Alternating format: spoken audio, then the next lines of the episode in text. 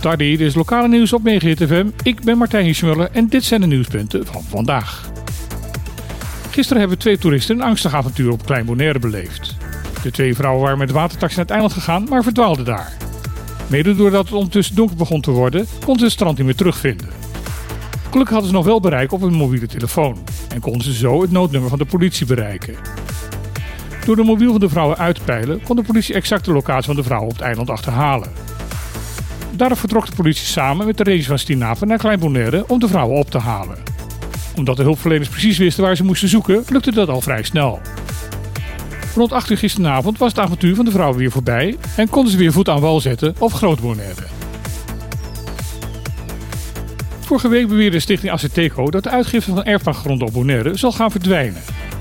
Woordvoerder van Aceteco, Michiel Bijkerk, zei dat volgens hem erfpachtgronden binnenkort alleen nog maar verkocht zullen gaan worden voor ongeveer 20.000 dollar per perceel. Bij een huur de grond voor minstens 60 jaar van de overheid. Het systeem is op Bonaire erg belangrijk omdat voor veel Bonaireanen het de enige manier is om ergens een huis te kunnen bouwen. De uitgifte van de gronden gebeurt door de overheid en daar is heel veel onvrede over. Stichting Aceteco voert hierover al jaren een verbeterstrijd tegen de overheid.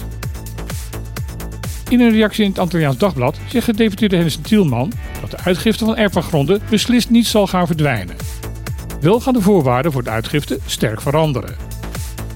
Hem moet in de nabije toekomst de pachter gaan meebetalen voor het aanleg van de infrastructuur rondom het erfpachtperceel.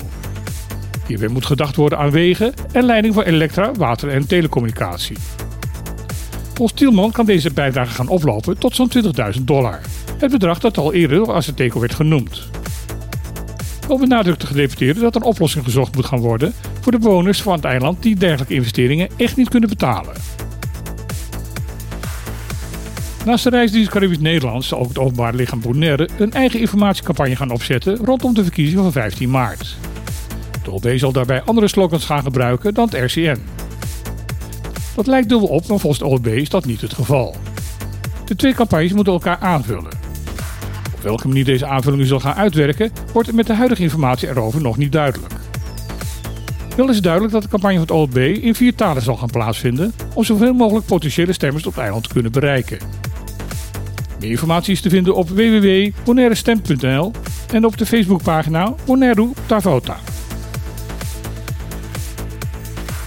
De minister van Sociale Zaken en Werkgelegenheid heeft vandaag het wetsvoorstel voor de kinderopvang op de BES aangeboden aan de Tweede Kamer. Het doel van de wet is om alle kinderen in Caribisch Nederland een goede, veilige en betaalbare kinderopvang te bieden. In de wet zijn eisen opgenomen betreffende pedagogisch handelen van personeel, de veiligheid van de kinderen en het gezondheidsbeleid van de opvang. Ook is vastgelegd op welke manieren kinderen die extra zorg en ondersteuning nodig hebben deze hulp kunnen gaan ontvangen. In de wet wordt de inspectie van het onderwijs aangewezen als toezichthouder op de kwaliteit van de kinderopvang. Verder houdt de minister vast aan een eigen bijdrage van de ouders. Dit ondanks de berekeningen dat het innen van deze bijdrage meer gaat kosten dan de opvang geheel gratis maakt voor de ouders. Wanneer mensen de eigen bijdrage van een paar tientjes per maand echt niet kunnen opbrengen, mag volgens het wetsvoorstel het OLB deze ouders compenseren. Dit was weer het lokale nieuws op Megahit FM. Ik wens iedereen nog een hele mooie dag en dan graag weer tot morgen.